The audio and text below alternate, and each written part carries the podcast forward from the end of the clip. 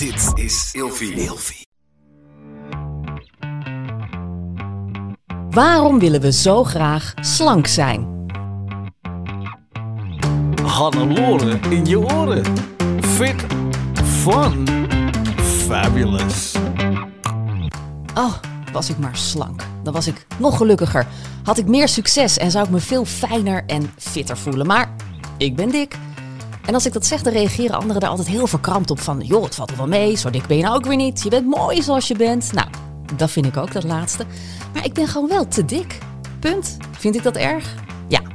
Maar waarom eigenlijk? Waarom is de norm nog steeds dat slanke mensen mooier zijn?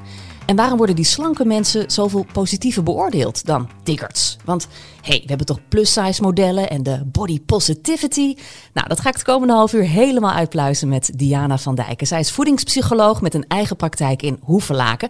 En dan nemen we ook deze podcast op trouwens. Ik, je hebt echt een leuke praktijk. Allemaal roze en bloemen zie ik en goud. Ik hou daarvan.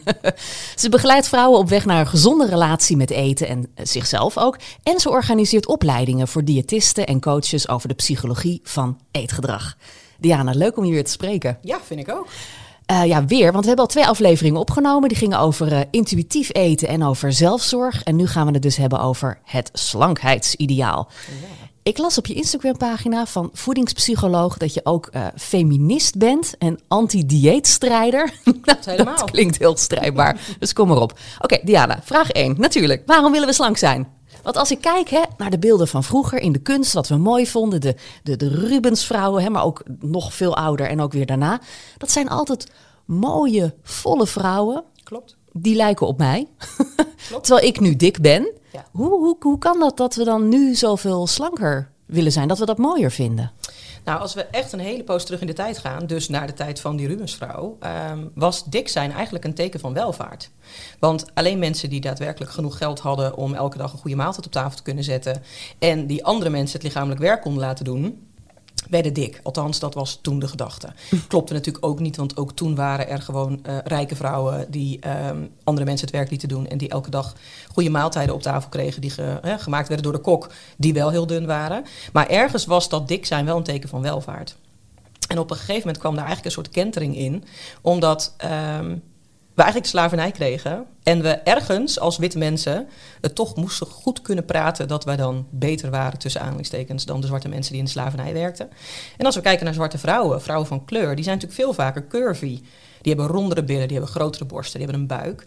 En ergens is er toen een stroming ontstaan waarin uh, vooral de rijkere witte vrouwen het idee hadden: hmm, als wij dan ons echt willen onderscheiden, moeten we ook dun zijn. En eigenlijk zien we dat dat het moment is geworden dat vrouwen zichzelf wilden gaan onderscheiden. En dus vonden dat ze dunner moesten zijn, want dan zagen ze er anders uit. Dat de huidskleur op zich al anders was, was blijkbaar niet voldoende om ergens dat onderscheid aan te brengen. Maar het is ook de periode geweest waarin mannen op een nog geseksualiseerdere manier naar vrouwen gingen kijken. En vrouwen ook graag aan dat beeld wilden voldoen. Dus die eerste diëten die zijn bedacht, werden bedacht door mannen. Want vrouwen moesten wel dun zijn en mooi zijn om naar te kijken. En rond welke tijd zitten we dan? Ja, het is heel moeilijk om, daar echt, om dat echt te pinpointen. Want we zien natuurlijk dat het slavernijverleden van Nederland bijvoorbeeld een heel andere tijdslijn heeft dan het slavernijverleden wat in Amerika bijvoorbeeld heeft plaatsgevonden. Mm. Maar dan hebben we het dus wel echt al over decennia geleden, waarin er eigenlijk een kentering is ontstaan en dunner zijn als beter werd gezien. Want dan was je dus mooi en dan was je blijkbaar ook rijk en van goede kom af. Terwijl dat natuurlijk ten eerste gewoon helemaal niet klopt. Maar ten tweede ook een heel um, moeizaam beeld heeft gecreëerd. Want daardoor gingen vrouwen ook meedoen aan dat hele idee van we moeten er mooi uitzien. En mannen gingen er steeds meer op inzetten. Dus de allereerste dieet zijn allemaal bedacht door mannen. Voor vrouwen, om zo snel mogelijk af te vallen, weer slank te worden na de bevalling. Er zijn echt verschrikkelijke boeken geschreven in die tijd. Maar allemaal met het idee, als vrouw zijnde moet je wel mooi zijn. En mooi is slank, dus dat betekent dat je moet afvallen als je dikker bent. Ja. Wat bizar eigenlijk dan. Dat het nu dan dus ook weer een teken van welvaart is als je juist wel heel erg slank bent. Ja, en dat is ergens ook wel weer, um, als je gaat kijken naar de wat je nodig hebt zeg maar, om uh, dun te kunnen worden. Even los van het feit dat lang niet iedereen dun kan zijn. Want elk lichaam is gewoon anders. Ik geloof niet dat ik ooit dun kan zijn. Inderdaad. Ik geloof er überhaupt niet in dat alle mensen dun kunnen worden. Um, ook omdat we gewoon genetisch zien dat dat nou ja, kansloos is. Maar dat nog even terzijde. Um, wat we heel erg zien is dat als jij heel veel tijd en energie wil kunnen besteden aan wat je eet en aan beweging en aan het juiste eten tussen aanhalingstekens, wat dat dan precies mag inhouden. Daar heb je onwijs veel tijd voor nodig. Nou, als jij gewoon 40 uur per week moet werken, hou je die tijd helemaal niet over. Nee. Dus het is ook echt wat dat betreft, hè, dat hele wellness-ding is echt ook wel iets voor de mensen die daar dus daadwerkelijk tijd, geld en energie in kunnen steken. En dat zijn dus heel vaak toch de mensen die uiteindelijk meer geld te besteden hebben, die dat er ook aan kunnen uitgeven. Ja. Dus dat hele wellness-idee met hele dure poedertjes en ingewikkelde soepjes en nou ja, allerlei juices en noem maar op, dat is eigenlijk alleen maar weggelegd voor mensen die daar ook tijd, geld en energie in kunnen steken. Ik zie dat ook altijd, ehm, zie ik collega's van mij op tv die echt enorm slank zijn. Mhm. Maar die zeggen dan van ja, het is wel gewoon hard werken. Ik moet sporten, ik, Ja. ik moet op mijn maaltijden letten. Daar gaat heel veel tijd en energie in zitten. Ja. Maar dan, eh, dat, dat zegt een vriendin van mij ook, van ja, ik word in feite betaald om er goed uit te zien. En dat is dus slank. Ja. En het moeilijke daarvan is wel dat ook die vrouwen die daar dus super hard voor werken en eh, zes dagen in de week in de sportschool staan en eh, heel goed letten op alles wat ze eten, ehm, die zouden, als ze dat niet zouden doen, dikker zijn dan ze nu zijn, naar alle waarschijnlijkheid. Maar die zijn nooit echt dik geweest. En dat is eigenlijk al de tegenstrijdigheid die je heel erg ziet ontstaan. Op het moment dat mensen zeggen, ja, maar ik kan het ook, ik kan het ook volhouden en ik ben ook succesvol afgevallen. Dat zijn altijd mensen die zijn nooit meer dan 10, 15 kilo afgevallen. Dat zijn dus niet de mensen die al van jongs af aan echt dikker waren dan klasgenootjes of die van jongs af aan al te horen hebben gekregen dat ze echt dik zijn. Ehm, dat zijn eigenlijk altijd de mensen die tijdelijk meer wat, hè, wat zijn aangekomen, bijvoorbeeld tijdens hun studententijd of toen ze gingen samenwonen en met hun partner mee gingen eten of hè, een periode een beetje los zijn gegaan of na een zwangerschap. Op het moment dat jij tijdelijk wat bent aangekomen, zijn dat dus vaak ook de kilo's. Die kun je ook wel weer kwijtraken, want dat was überhaupt niet echt jouw bouw. Maar degenen die echt dik zijn, hè, en echt dik bedoel ik gewoon als beschrijving. Je hebt nou eenmaal dunne mensen, je hebt mensen die zijn wat Ja, dikker. ik ben helemaal hele oké met de term dik Hè, dus dan zie je echt dat mensen die echt dik zijn, die vallen eigenlijk nooit succesvol tussen aanhalingstekens af. Die gaan jojoen, want dat is gewoon niet de bouw die hun lichaam van ze verlangt, van ze vraagt. Maar het schoonheidsideaal is wel eigenlijk, in ieder geval de laatste jaren, dan hebben we het echt al wel over jaar of 50, 60, is dun. Maar dan wel weer dun in allerlei verschillende variaties, die eigenlijk allemaal net zo onmogelijk zijn voor de gemiddelde vrouw in Nederland.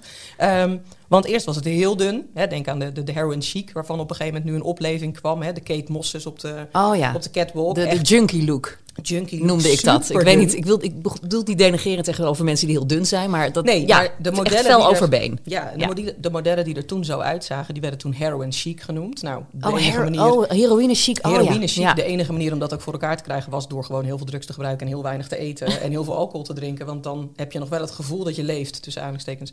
Maar je blijft heel dun. Ehm, wat natuurlijk echt niet gezond is, Nee. laten we dat voorop stellen.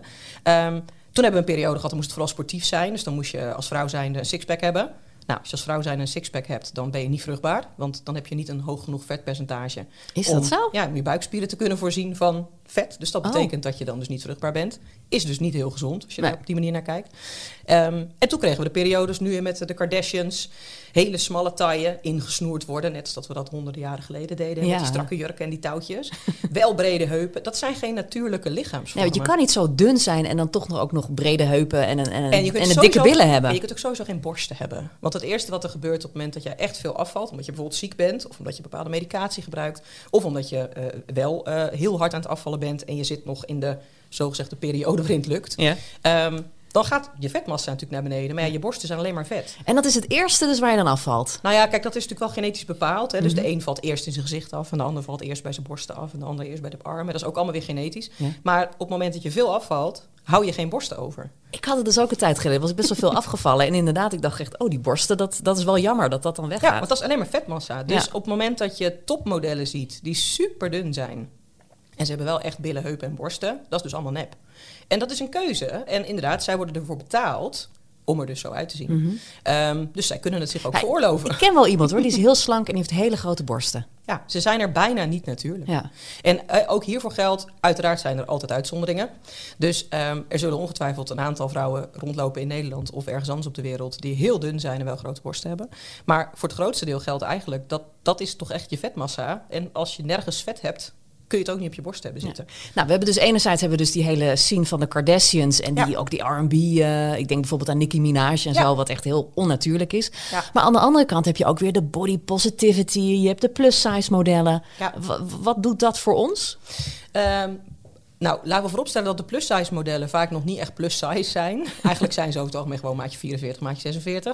Beetje de gemiddelde maat van de Mhm. Ja, ik, Nederlandse vrouw. ik volg bijvoorbeeld Ashley Graham. Die is echt wel Ja. redelijk plus size. ja, dus ze zijn er wel. En die laat ook echt eerlijk zien hoe het is. Ja, nou en dat is dus een hele mooie beweging, dat die er ook meer komen. Want heel lang was plus size eigenlijk gewoon inderdaad maatje 42, 44. Ja, want dan zag ik wel zo'n vrouw op Instagram van hè, tv die ik dan kende eh, poseren. En dan ging ze zo helemaal zo in elkaar gedeukt zitten. En dan had ze wat vetrolletjes. En dan maakte ze haar dan oeh. En iedereen, oh wat dapper van je. Oh, Ja. body positivity. En Ja. ik dacht echt, wow. Ik zou echt, echt wel 100.000 euro over hebben om jouw lijf te hebben. Ja. Bij wijze van spreken. Ja, en Want dat je bent is- helemaal niet dik. Nee, en dat is ook wel het moeilijke van body positive. Dat is echt zo'n eh, zo'n hashtag die al jarenlang nu echt gewoon gekaapt wordt door de commercie. En dus ook door influencers en dus ook door bekende Nederlanders. Maar ook door gewoon reclamemerken. Nou ja, iedereen kent wel de reclame van Dove met alle vrouwen in verschillende maten bij elkaar. Mhm. Ehm, waarbij het nog helemaal niet zo heel veel verschillende maten zijn. Hè? Dus, maar dat dan nog Nee, even- maar dat was, dat was toen wel redelijk re- revolutionair. Ja, dat was echt wel eh, een ding, zeg maar. Ja. Ehm, en dat zijn heel veel merken natuurlijk ook gaan overnemen. Want ja, dat verkoopt dus blijkbaar body positive. Ja, als je jezelf herkent in Als de je jezelf modellen. herkent. Ja.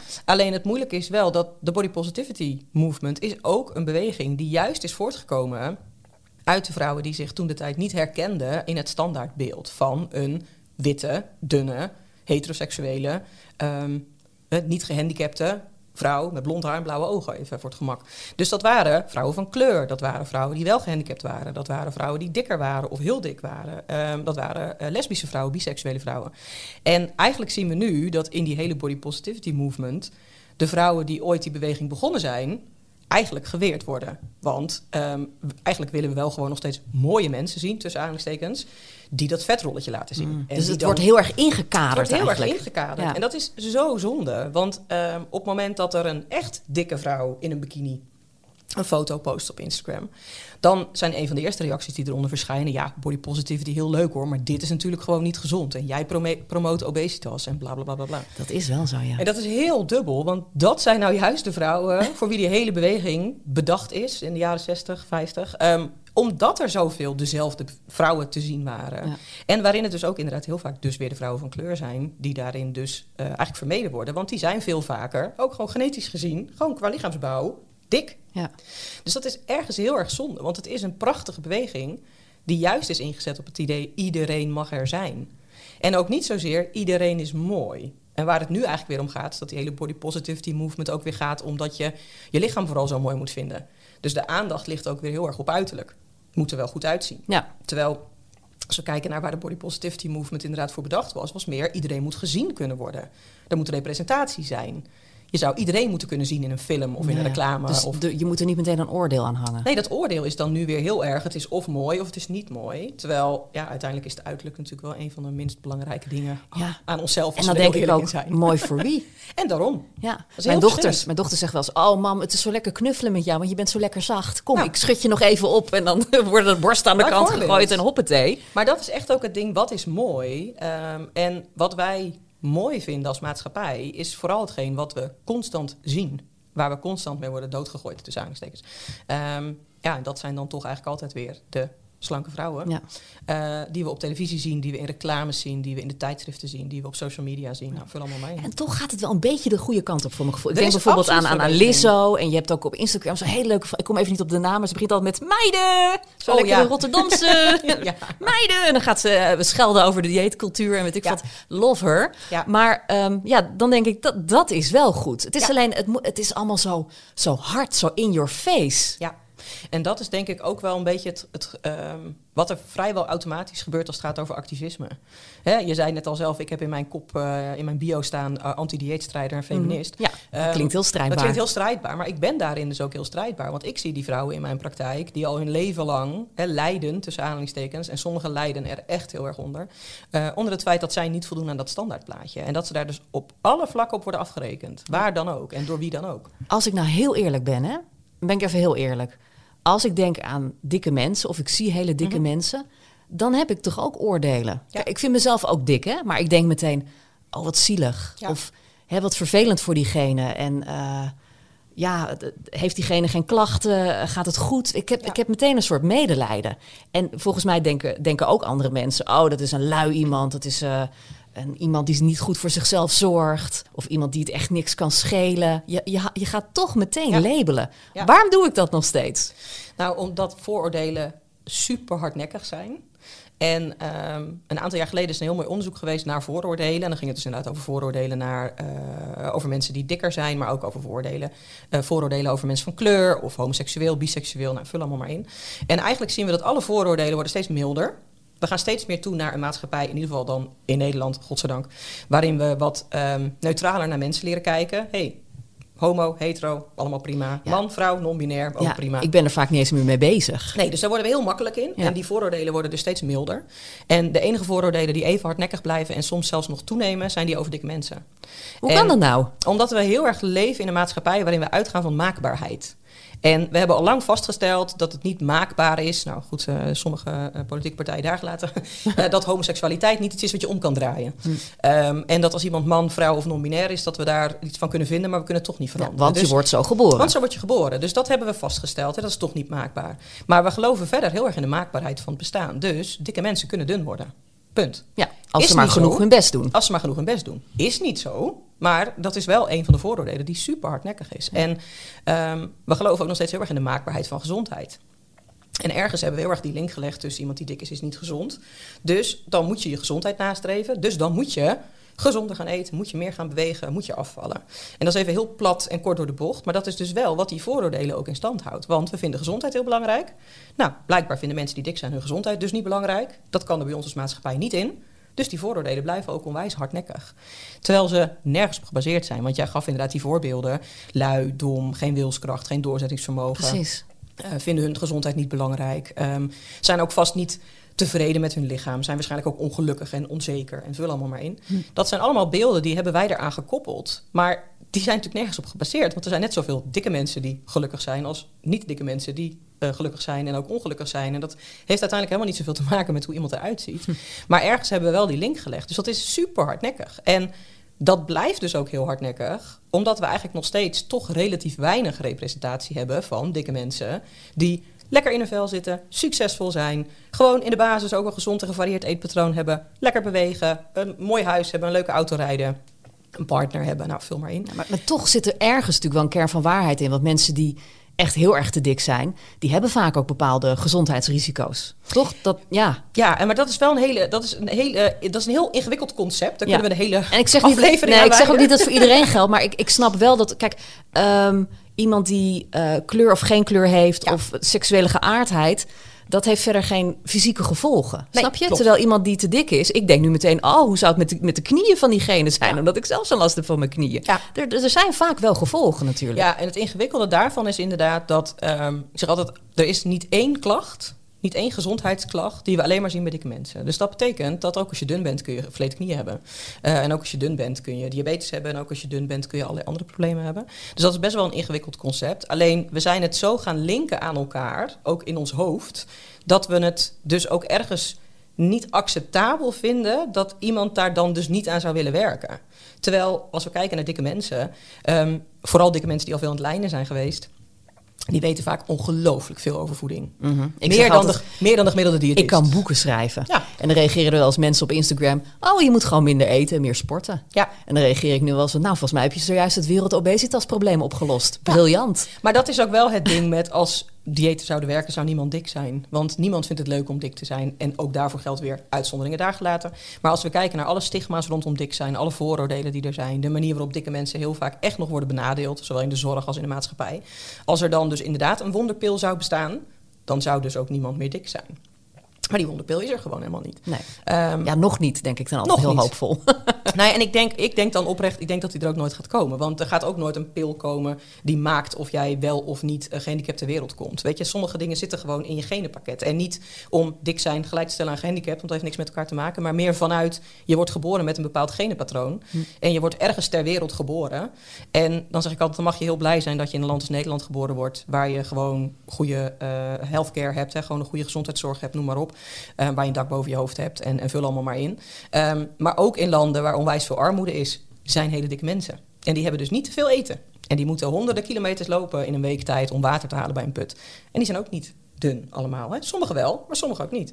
Dus als het echt zo zou zijn dat je met lichaamsbeweging en eten elk lichaamsfiguur zou kunnen veranderen naar dun, ja, dan waren er nergens op de hele wereld meer dikke mensen. Maar zo werkt het dus helaas, tussen aanhalingstekens, niet. Nee. Ehm, alleen dat stigma blijft dus ook zo hardnekkig, omdat we zo weinig echt positieve verhalen horen over dikke mensen. En veel meer negatieve verhalen horen. En dan is het heel makkelijk om te vervallen in een vooroordeel. Ja, en behalve natuurlijk hè, dat eh, de body positivity en de plus size modellen is nu ook een hele beweging gaande. De, de, de woke-beweging noem ik dat dan altijd. Ja. Dat bepaalde termen zelfs in kinderboeken wordt, moeten worden aangepast. Dat in de Roald Dahl boeken de mensen niet meer dik zijn, maar eh, groot, volgens Ja. mij. Ja. Wat, wat doet dat met ons? Nou ja, dat is dus eigenlijk heel dubbel. Want als we kijken naar een manier om vooroordelen nou juist af te laten nemen, dan zou dat veel meer zijn dat er kinderboeken zijn waarin ook gewoon gelukkige, blije, dikke kinderen zitten. ja, ja, of waar gewoon de, de, de, de stiefmoeder wel heel erg lief is en dik. Juist. Ehm, en wat er nu eigenlijk gebeurt, is dat die term dik hebben we zo beladen gemaakt als maatschappij, dat er dus nu inderdaad uitgevers zijn die zeggen het woord dik mag eigenlijk niet meer terugkomen in dat soort boeken. En dan wordt iemand groot genoemd. Ehm, en er werden ook al voorbeelden genoemd van dan moeten we het dus maar iemand gaan noemen die ehm, overgewicht heeft of iemand met obesitas. Terwijl het woord dik is gewoon een hele neutrale beschrijving. Ja. Je bent dik of dun, lang of kort, je hebt blond haar of blauw, bla- blond haar of blauwe ogen. Maar goed, blond haar of donkerblond haar, of Ja. blauwe ogen of bruine ogen. Dat is heel, eigenlijk heel neutraal. Ja, En ja, ik heb ook echt geen moeite met Nee. het woord dik. Ik denk, ik ben gewoon dik. Nou, Sommige prima. mensen hebben daar natuurlijk wel moeite mee. Ehm, alleen wat we eigenlijk heel erg zien is dat vanuit, ja, dat is, dat is dan ook weer zo'n stroming, de Fat Liberation eh, beweging, en daar is nou eenmaal niet echt een lekker Nederlands woord voor. Ehm, die maken zich juist heel erg hard voor het feit dat we dat woord dik ook gewoon weer heel neutraal moeten gaan gebruiken. Dus ik ben dik betekent niet, ik ben dik en vind mezelf niet mooi en dus ik ben niet succesvol, bla bla bla. Ja. Maar ik ben dik betekent alleen maar ik ben dik, net zoals jij dun bent. Dus dat is heel neutraal. Ehm, en eigenlijk om die vooroordelen zo veel mogelijk echt ter discussie te gaan stellen en de kiem in te smoren, zou je eigenlijk willen dat een boek waarin een dik kind zit, niet meer specifiek gaat over het feit dat het kind dik is, dat ten eerste, maar gewoon dat het een dik kind is. Ehm, wat ook gewoon succesvol is op school en wat de eerste vriendje of vriendinnetje krijgt. Of, dan ga je daadwerkelijk aan de slag met vooroordelen. Nu geven we er alleen een andere term aan, maar het verhaal blijft hetzelfde. Ja. Dus een boek als Dick Trom, of, eh, dat, dat houdt nog steeds dezelfde eh, lading eromheen van een jongetje wat een beetje stuntelig is en niet zo succesvol is op school en geen vriendjes krijgt of vul allemaal maar in. Ehm, dan maakt het niet uit of je hem Dick Trom noemt of dat je hem Grote Trom gaat noemen. Snap je? Dus Ja. het verhaal blijft hetzelfde. Dus eigenlijk willen we dat het verhaal verandert. In plaats van de terminologie. Ja. En ehm, inderdaad, een stiefmoeder is in een boek altijd een nare vrouw. Ja, Hoezo is een stiefmoeder een nare vrouw? Stiefmoeders kunnen heel naar zijn, kunnen heel lief zijn. Ja. En alles ertussenin. precies. Dus op het moment dat je vooroordelen juist wil verminderen, zou je veel meer verhalen moeten gaan delen. Juist ook al in kinderboeken. Want hele jonge kinderen beginnen al het idee te krijgen dat ze dus niet goed genoeg zijn, want ze zijn dik.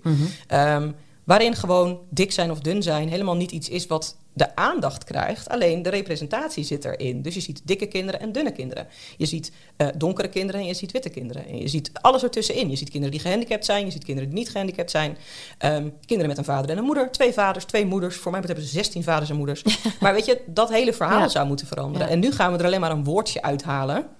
Terwijl het verhaal blijft hetzelfde. Het stigma blijft hetzelfde. Het stigma ja. blijft hetzelfde. Mijn, mijn jongste dochter die riep ook een keer, en ik denk dat elke ouder wel een keer die ervaring heeft van, kijk, die mevrouw is dik. ja, En dan denk ik, ja, die mevrouw Klopt. is dik. Kijk, die meneer is heel lang. ja, En eh, kijk, die kan heel hard fietsen. ja. Zoiets. Terwijl wat we nu heel vaak doen, Ja. is zeggen, "Sst, dat is niet aardig om te zeggen. Precies. Maar ja. hoezo is dat niet aardig om te zeggen? Dat is omdat we er zo'n negatieve lading aan zijn Ja. gaan hangen. En ehm, ik begeleid in mijn praktijk natuurlijk heel veel vrouwen, dikke vrouwen, dunne vrouwen. En dan merk ik wel dat bij de dikkere vrouwen en bij de dikke vrouwen ehm, er ook een heel groot onderscheid is. Dus de vrouwen die bijvoorbeeld gepest zijn met het woord dik al van jongs af aan, die vinden het nog steeds een heel negatief woord en die proberen het nu neutraal te krijgen. Ja. Terwijl de vrouwen die bijvoorbeeld daar nooit over gepest zijn en nooit dat woord als heel negatief hebben ervaren, vinden het ook veel makkelijker om het neutraal te zien. Dus het is ook weer, ja, wat is voor jou de Ja, lading dat herken ik wel. Ik ben vroeger zo vaak dik genoemd. Terwijl ik helemaal niet dik was. Nee, maar dat is nog weer wat anders. En wat nu inderdaad ook heel vaak gebeurt, is dat, hè, want je beschreef het, of je, je vertelde er al over net in de inleiding. ehm, dik betekent niet dat ik mezelf niet mooi vind. Nee. Terwijl heel vaak als mensen het hebben over dik en iemand zegt ik ben dik, zijn de mensen eromheen geneigd te zeggen: nee joh, jij bent Ja, die inderdaad gaan dan heel moeilijk dik. lopen doen. Of- Alsof dik iets heel negatiefs Ja. is. Maar dik is dus gewoon die beschrijving. Net Ja. als iemand anders heel dun kan zijn. Ja, weet je, alle, alle kanten van het spectrum eh, kun je op. Nee. Eh, en alles ertussenin. Dus als je dat ook veel meer als neutraal gaat zien, dan is het dus gewoon een beschrijving. En inderdaad, dan is die ene mevrouw dik en die andere meneer is dun. En die ene meneer heeft hele grote oren en die andere mevrouw heeft een grote neus. Dat zijn Precies. gewoon zo'n beschrijvingen van hoe Ja. iemand eruit ziet. En dat is allemaal oké. Wat doet dat met mensen, tot slot, ehm, dat dat slankheidsideaal er nog steeds is? Wat voor gevolgen heeft dat? Want dat zie je natuurlijk elke dag hier in je praktijk. Heel veel gevolgen. Ja. Nou ja, goed, wat we gewoon heel erg zien is dat omdat het schoonheidsideaal nog steeds zo is, ehm, proberen toch heel veel vrouwen en mannen ook, maar het schoonheidsideaal voor vrouwen is echt hardnekkiger dan voor mannen, zien we. ehm, proberen heel veel vrouwen toch weer af te vallen. En dat proberen ze op de meest rigoureuze manieren. En natuurlijk zijn er vrouwen die een crashdieet doen. En zijn er vrouwen die ehm, eh, een, een eetmeter gaan invullen om hun calorieën bij te houden. Ze doen het op allerlei verschillende manieren. Alleen het effect is in veel gevallen toch. Ze vallen af en ze komen weer aan. En dan gaan ze zichzelf twijfelen. Ehm, en wat we eigenlijk heel erg zien is dat wanneer mensen veel gaan lijnen en diëten, ontstaat er eigenlijk vrijwel altijd een verstoorde relatie met eten. Dus dan is dat eten op een gegeven moment ook iets waar je niet meer neutraal naar kan kijken. Maar je kunt ook niet meer zo neutraal naar jezelf kijken. Want je vindt het stom van jezelf. Want je gaat al die vooroordelen die er zijn over dikke mensen, die leg je natuurlijk ook op jezelf. Op het moment dat jij jezelf dik vindt of je bent dik. Dus het, we zien ook dat het zowel mentaal heel veel effect heeft. Mensen worden ehm, toch eerder wat depressiever. Hè. Ze worden niet klinisch depressief, maar ze worden wat depressiever in hun gevoel. Ja, je zit gewoon niet zo lekker in je Gewoon vel. minder lekker in je Ja. vel, minder lol in het leven, eh, jezelf af gaan straffen. ehm, en inderdaad, we komen toch vaak in een beetje zo'n cirkel terecht van eetbuien en dan weer restrictie. Hè, jezelf weer alles ontzeggen. Dus het heeft onwijs veel gevolgen, omdat al die aandacht nog steeds gaat. Ten eerste naar dat uiterlijk, terwijl daar zou het uiteindelijk gewoon niet om moeten gaan. Maar dus ook naar dat compleet onrealistische schoonheidsideaal, wat misschien voor 1% van de bevolking daadwerkelijk is weggelegd en voor die overige 99% niet. Ja. Dat is natuurlijk hartstikke zonde. Wat doen we daaraan? Ik probeer vooral altijd heel veel aandacht te geven aan het feit dat we op een neutralere manier überhaupt naar mensen mogen gaan kijken. En mensen dus niet meer beoordelen op hun uiterlijk. Ehm, maar veel meer gewoon op wie ze zijn en wat ze doen en hoe ze in de maatschappij staan. Wat ze voor je betekenen. Ehm, maar ook door heel veel aandacht te genereren voor het feit dat het oprecht onrealistisch is om te verwachten dat iedereen dun kan zijn. Ja. En dat als iedereen dun zou kunnen zijn, dat iedereen al lang dun zou zijn. Dus ik probeer het wel elke keer op die manier, zowel bij mijn cliënten als bij de volgers, als in nou ja, op alle manieren die ik maar kan vinden, die aandacht daarvoor te genereren. Want ik hoop zo ontzettend dat er nu een generatie aankomt die gaat inzien, ik hoef niet dun te zijn. Ik mag dik zijn, ik mag zijn wie ik ben, op welke manier dan ook. En ik hoef daar ook helemaal niet tegen te vechten. En ik ben altijd van mening dat er ooit één eerste generatie moet zijn die het anders gaat doen. Nou, dan hoop ik maar dat de generatie van mijn kinderen eh, de hoop generatie gaat zijn waarin het anders gaat zijn. Ik weet nog dat ik mijn moeder vroeger zuchtend voor de spiegel zag staan. Nee, dat staat niet. Kijk, je Nee. bent te dik, dit, dat. En ik- ik hoop zo dat mijn kinderen dat niet van mij gaan zien. Daar doe ik Nee. ook zo mijn best voor. Maar dat is ook heel belangrijk. Kijk, en ik heb zoons, dus die staan er sowieso heel anders in. En die zijn momenteel allemaal in een leeftijd waarin ze het heel tof vinden als ze aankomen. Want dan zijn ze dus aan het groeien en dan worden ze sterker. En nou ja. Eh, dus die kijken op een hele andere manier naar gewicht. Die vinden het ook heel gek, het werk wat ik doe. Want waarom zou je daar moeilijk over doen? Dus die staan er al heel neutraal in. Maar dat zijn allemaal jongens. Ja. Dus, ehm, en we zien wel dat meisjes veel eerder al aan hun lichaam gaan twijfelen en zichzelf te dik vinden. En gemiddelde meisjes gaan eh, vanaf 8, 9 jaar al voor het eerst lijnen. Ja, dat is natuurlijk te zot voor woorden. Ja, ik ging eh, volgens mij op mijn twaalfde voor het eerst op dieet. Ja, maar het wordt steeds jonger. Want Ja. meisjes ontwikkelen zich eerder. Omdat gewoon de, de kwaliteit van ons voedsel is gewoon toegenomen. Onze leefomstandigheden nemen toe. Dus meisjes gaan steeds eerder de puberteit in. Ja. En dat betekent dus ook dat hun lichaam eerder gaat veranderen. Dus ze beginnen ook al eerder te lijnen. En dan hoop ik altijd maar dat dat dus nu de generatie is... die vanuit hun ouders, maar ook vanuit leerkrachten... en vanuit de hele maatschappij mee gaan krijgen... Elk lichaam is oké. Dus jij bent per definitie oké. En het maakt helemaal niet uit of jij lang wordt, of dat je klein blijft, en of je dik wordt, of dat je dun blijft. Of, mag alle kanten op gaan. Je bent sowieso oké zoals je bent. Nou, dat is dus de volgende generatie. generatie gaan we allemaal Ik ons best voor doen. ja. Maar voor iedereen die nu deze podcast luistert en voor de Ja. spiegel gaat staan, heb je nog een tip? Ehm, op het Want moment stiekem dat je, willen we nog steeds slank zijn natuurlijk. Nou, en dat, ik denk dat het ook heel belangrijk is om je te realiseren dat dat dus ook helemaal niet gek is. Dat het helemaal niet gek is dat je die wens hebt om dunner te zijn, omdat dat dus dat beeld is wat je eigenlijk al je hele leven voorgeschoteld krijgt. Ehm, dus vind het ook oké van jezelf dat je eigenlijk dun zou willen zijn. Alleen vraag jezelf inderdaad ook wel af ten koste van wat. En ik denk dat daar voor heel veel vrouwen een soort kantelpunt komt. Op het moment dat je je echt gaat afvragen: hé, hey, maar wat heb ik allemaal al gedaan om af te vallen? Wat heb ik allemaal al gelaten? Hoeveel tijd, geld, energie heb ik er allemaal al ingestoken? En wat heeft het me uiteindelijk opgeleverd? Nou, onderaan de streep voor de meeste vrouwen dus helaas, hè, tussen aanhalingstekens heel weinig. Ehm, ja, of juist extra kilo's. of nog. extra kilo's, heel vaak ook extra kilo's inderdaad. Maar in ieder geval niet dat gewicht waar ze naartoe aan het streven waren. Maar ook niet die relatie met eten die ze wilden. Ook niet het beeld van hun lichaam wat ze eigenlijk na aan het streven waren. Dus op het moment dat je je dat realiseert, is het natuurlijk altijd de vraag, wat wil je dan wel? En wil je dan de rest van je leven inderdaad blijven strijden met je eigen lichaam? Terwijl je lichaam uiteindelijk gewoon precies doet wat het moet doen. Namelijk overleven en goed voor jou zorgen. Of ehm, leg je je daar dus op een actieve manier bij neer. En heb je die wens misschien nog wel om dunner te zijn. Maar realiseer je je ook dat het geen, geen realistische wens is. En dat je ook nu met het lichaam wat je nu hebt... in de meeste gevallen gewoon het leven kunt leiden wat je wilt leiden. En ja, misschien met bepaalde klachten... waardoor je bepaalde dingen anders moet doen. Alleen er is ook niemand die je de garantie geeft dat als je dunner bent dat je die klachten niet hebt. Of dat je die klachten niet had gehad. Dus het, het, het is altijd heel tegenstrijdig. En toch vind ik het heel belangrijk om te benadrukken... er is inderdaad niet één klacht die alleen voorkomt bij dikke mensen. alle aandoeningen en ziektes die we hebben, komen voor bij dikke mensen en bij dunne mensen. Dus Maar misschien wel vaker bij dikke soms mensen. wel en soms ook niet. Dus dat varieert ook nog weer per klacht. Dus het, het is zo aantrekkelijk om te denken, als ik dunner ben dan, Ja. heb ik een leuker leven, heb ik geen klachten meer, bla bla bla bla. Ehm, terwijl eigenlijk weten we helemaal niet wat er zou gebeuren als je dunner bent. En de vraag is of het wel realistisch is om ervan uit te gaan dat je dunner bent. En natuurlijk, hè, een paar kilo, dat, die kan iedereen eigenlijk wel afvallen. Maar dat zijn vaak niet de kilo's waar het hem echt op zit, zeg maar. Nee. Ehm, en ik vind het vooral heel belangrijk dat vrouwen in de spiegel gaan kijken en zich eigenlijk realiseren: hé, hey, dit ben ik. En hoe ik eruit zie is echt het minst interessante aan mij. Maar hé, hey, ik mag er sowieso gewoon zijn. Ehm, en hoe wil ik de rest van mijn leven gaan doorbrengen? En ik zeg je het ook wel eens gekscherend tegen mijn cliënten. Ja, wat wil je dat er later op je, op je grafsteen komt te staan? Was altijd aan het lijden en het diëten? Of genoot van het leven? Weet je, het is, Precies. het is uiteindelijk ook gewoon wat dat betreft de boel in perspectief plaatsen. En je lichaam is het voertuig waarmee je je leven kunt leiden. En hopelijk gaat dat op een prettige manier. En hopelijk gaat dat eh, vlekkeloos en zonder al te veel klachten. Maar ook als een lichaam wel klachten geeft en het gaat minder vlekkeloos, is het nog steeds jouw voertuig om je leven te leiden. Dus leef alsjeblieft gewoon dat leven. Mooi. Ja. En mocht dat niet lukken, dan kan ik bij jou terecht. Ja, dan kan je bij mij terecht. Ja. Hoe, eh, hoe vinden luisteraars jou? Ik eh, ben actief op Instagram, voedingspsycholoog, gewoon allemaal aan één eh, geschreven. Ehm, ik heb de Anti-Dieet podcast, waarin het dus over dit soort onderwerpen gaat. Maar ook inderdaad over feminisme en over de dieetcultuur. En over alles wat je maar kan bedenken, wat eigenlijk te maken kan hebben met een gezonde relatie met eten ontwikkelen. Ehm, en ehm, mijn werkgroepleden, die eigenlijk op dezelfde manier werken als ik, zijn te vinden onder psychologie van eetgedrag. Dus dat is een gezamenlijke Instagram pagina die we met z'n allen bijhouden, waar eh, ook allerlei informatie en posts Ja. op komen over dit soort onderwerpen. Ik vind het zo goed wat jullie doen. Ik ook. Ja. en ik ben ook heel blij dat er steeds meer mensen zijn die zich aansluiten. Ja. Ehm, zowel gewichtsconsulenten als diëtisten als leefstijlcoaches. Ehm, maar ik probeer ook gewoon, ik zeg altijd, ik, ik wil mezelf heel graag onnodig maken.